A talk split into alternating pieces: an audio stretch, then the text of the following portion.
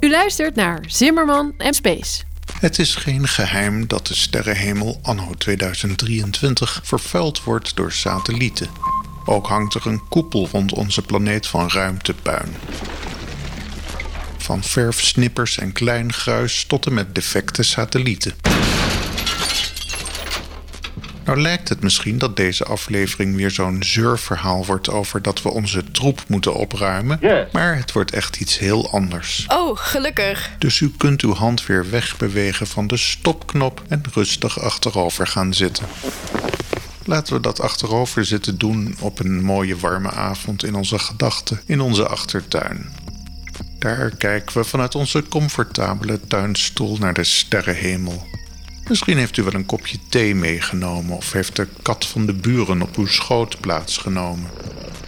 Boven ons die prachtige zwarte hemelkoepel met twinkelende sterren en hier en daar een planeet. Als een satelliet, een kunstmaan, langzaam boven ons hoofd langs de hemel trekt, zien we zonlicht dat gereflecteerd wordt door zo'n satelliet en ons oog bereikt. Zo kan zo'n satelliet dan ook verdwijnen in de aardschaduw. Stel nou dat u met uw denkbeeldige, waanzinnig krachtige achtertuintelescoop ziet hoe een verfsnipper in een baan van onze planeet heel even wat zonlicht reflecteert. Het geval draait langzaam om haar as, dus het is een zwak lichtflitsje van een paar seconden of korter. Precies dit nu is een van de problemen die astronomen ondervinden bij het waarnemen van een heel raadselachtig fenomeen, de FT of Fast Transient. In tegenstelling tot de fast radio bursts, die al meerdere malen langs zijn gekomen in deze reeks astronomische verhandelingen, zijn fast transients gewoon waarneembaar in zichtbaar licht. De zoektocht naar fast transients beperkt zich tot objecten die minder dan een dag licht uitstralen in het zichtbare gedeelte van het spectrum. En wat heeft dit alles met verfsnippers in een baan rond onze planeet te maken? Ja, dat is de vraag. Nou, het is reuze lastig geworden om fast transients waar te nemen sinds 1957, toen de eerste kunstmaan, de Sputnik, gelanceerd werd, omdat er sindsdien in toenemende mate valse positieven worden waargenomen, die veroorzaakt worden door reflecties van zonlicht op van de aarde afkomstige troep. Veel van deze objecten in een baan rond onze aarde zijn te klein om met een radarsignaal als zodanig te identificeren. De pogingen om fast transients te vinden zijn dus ook zeer beperkt. Oh, dat is niet best. Een voorbeeld waar fast transients als bijvangst opdoken in de gegevens is bijvoorbeeld de Deep Lens Survey uit 2004. In deze survey werden alle in lichtsterkte variabele objecten geregistreerd tot magnitude 24. Dat is heel erg lichtzwak. Ik ben het even kwijt. Misschien aardig om het even in perspectief te brengen. Oké. De zon heeft magnitude min 27, de volle maan min 13.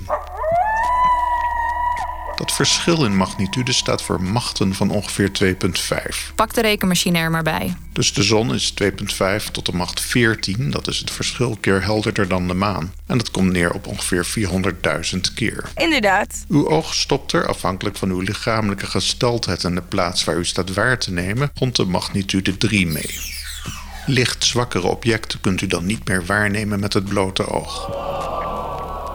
In de Deep Lens Survey werden drie opmerkelijke fast transients gezien die iets meer dan een kwartier duurden. De auteurs van het artikel hierover hebben wel suggesties voor wat de oorzaak van deze kortdurende lichtflitsen zou kunnen zijn geweest, maar meer vergelijkbaar onderzoek is nodig om er uitsluitsel over te geven. Ja, daar konden we op wachten. En het interessante is nu dat onderzoek is gedaan. Oh? En daarmee zijn we aangekomen bij een opmerkelijk gebeuren dat ruim 70 jaar geleden werd vastgelegd. Long time ago, Op 12 april 1950 werd een deel van de sterrenhemel gefotografeerd met de 48-inch Schmidt-Cassegrain-telescoop van het Mount Palomar Observatorium. Met een tussenpoos van ongeveer een uur werden foto's gemaakt door hetzelfde deel van de noordelijke hemel lang te belichten. De ene foto werd dan gemaakt in het rode gedeelte van het licht met een Kodak 103AE-plaat en de andere in het blauwe gedeelte van het licht met een Kodak 103AO-plaat. Tuurlijk. Deze oorspronkelijke analoge foto's, waarop objecten tot ongeveer magnitude 21 vast werden gelegd, werden 70 jaar later gedigitaliseerd en met software vergeleken als onderdeel van project FASCO. Dat staat voor Vanishing and Appearing Sources During a Century of Observations. VASCO is een crowdsourced of citizen science project om variabele gebeurtenissen in een eeuw aan waarnemingen op te sporen en in kaart te brengen. In dit project wordt dus gezocht naar alles wat knippert, inclusief satellieten van aardse makelij, asteroïden, exolasers, satellieten van voor de lancering van de Sputnik en verdwijnende sterren. Als deze laatste zin uw wenkbrauwen niet iets omhoog deed bewegen, gebruikt u deze podcast waarschijnlijk vooral om lekker bij in slaap te vallen. Dat is natuurlijk ook prima, maar exolasers en pre-Sputnik kunstmanen? Dan hebben we het over buitenaardse technologieën. Clear from another planet. Hier wordt inderdaad serieus naar gezocht door astronomen. En op een foto van 12 april 1950 werden negen lichtpuntjes aangetroffen die op de foto daarna niet meer werden gezien. Dat kan je je toch niet voorstellen? En ook niet in de waarnemingen van de 70 jaar daarna. Want als we weten waar aan de hemel iets is gebeurd, dan is het natuurlijk redelijk eenvoudig om in latere foto's op exact dezelfde plek te kijken. Well, let's see now. Maar niks te zien dus. Negen lichtbronnen vlak bij elkaar, superlichtzwak en daarna verdwenen. Hoofdonderzoeker is Beatrice Villaruel van het Nordic Institute for Theoretical Physics in Zweden. Van haar hand is ook het artikel dat hierover werd gepubliceerd met de titel Exploring nine simultaneously occurring transients on April 12, 1950. In goed Sherlock Holmes gebruik kunnen we natuurlijk kijken of we voor de hand liggende oorzaken misschien kunnen uitsluiten. Omdat de foto uit 1950 is, voordat de eerste kunstmaan werd gelanceerd, kunnen we ruimtepuin van menselijke oorsprong en aardse kunstmanen geheel uitsluiten als oorzaak van deze merkwaardige gebeurtenis. Lensflare dan misschien. De astronomen die de foto bestuderen sluiten dit uit, omdat de negen puntjes wel heel precies op één locatie op de foto vlak bij elkaar voorkomen en niet de juiste vorm hebben voor lensflare. Het zijn echt puntbronnen namelijk. Radioactiviteit dan misschien, of kosmische straling of muonen. Het kan toch dat deeltjes de fotografische plaat hadden getroffen? Het interessante is dat de gebruikte fotografische plaat van Kodak hier grotendeels bescherming voor kende. Misschien dan schade door de oude leeftijd van de foto's? Of menselijk vuil? Helemaal uit te sluiten is dat niet. Daarvoor zou de plaat in kwestie eerst onder de microscoop moeten worden onderzocht. Maar de puntvorm van alle negen lichtpunten doet toch ook vermoeden dat dit niet de oorzaak zal zijn. Bovendien is er zo meteen nog een stukje informatie wat ook wel heel erg wijst in een andere richting. Meteoren misschien dan. Die zijn inderdaad maar één moment aanwezig en daarna nooit meer. Maar de foto werd maar liefst 50 minuten belicht en dan zouden meteoren zeker strepen en geen stipjes hebben moeten veroorzaken. In het begin hadden we het over fast transients, maar het is wel zeer vreemd dat deze op negen punten naast elkaar in één keer voorkomen in een heel klein gebiedje aan de sterrenhemel.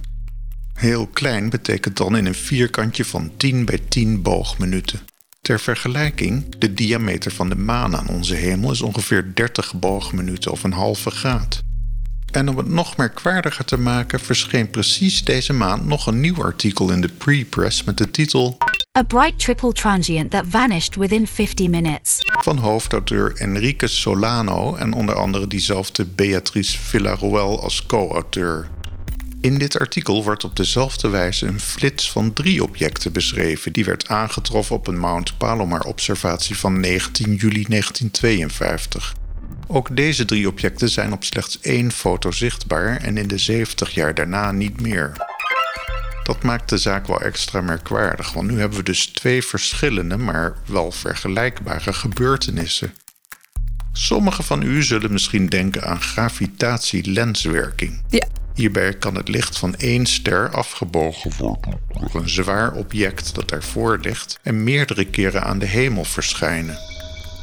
Dan lijken we te kijken naar afzonderlijke objecten, maar in werkelijkheid zien we dan één en hetzelfde object. Het Einstein-cross in het sterrenbeeld Pegasus is een beroemd voorbeeld hiervan. Maar ook deze hypothese is ernstig bedenkelijk voor de flitsjes uit 1950 en 1952. Want als we naar het Einstein Cross kijken, dan zien we dit effect in een stukje hemel van nauwelijks twee boogseconden en kunnen we er jaren achter elkaar naar kijken. De astronomen die zich hiermee bezighouden zien geen goede verklaring in gravitatie-lenswerking voor de vreemde groepjes van fast transients in de oude data. Mogelijk kijken we hier dus naar een geheel nieuw fenomeen. U kunt op dit moment zelf nog meezoeken in de FASCO-gegevens. Een link naar de website vindt u in de show notes van deze podcast. En als u denkt, dit zijn toch zeker de koplampen van een vloot van buitenaardse ruimtevaartuigen? Tja, dat kunnen we inderdaad nog niet uitsluiten. En wie kondigt je vandaag af? Hoi, ik ben Maya en heb je nog vragen over het heelal? Mail dan naar hensimmerman.gmail.com. Tot de volgende keer.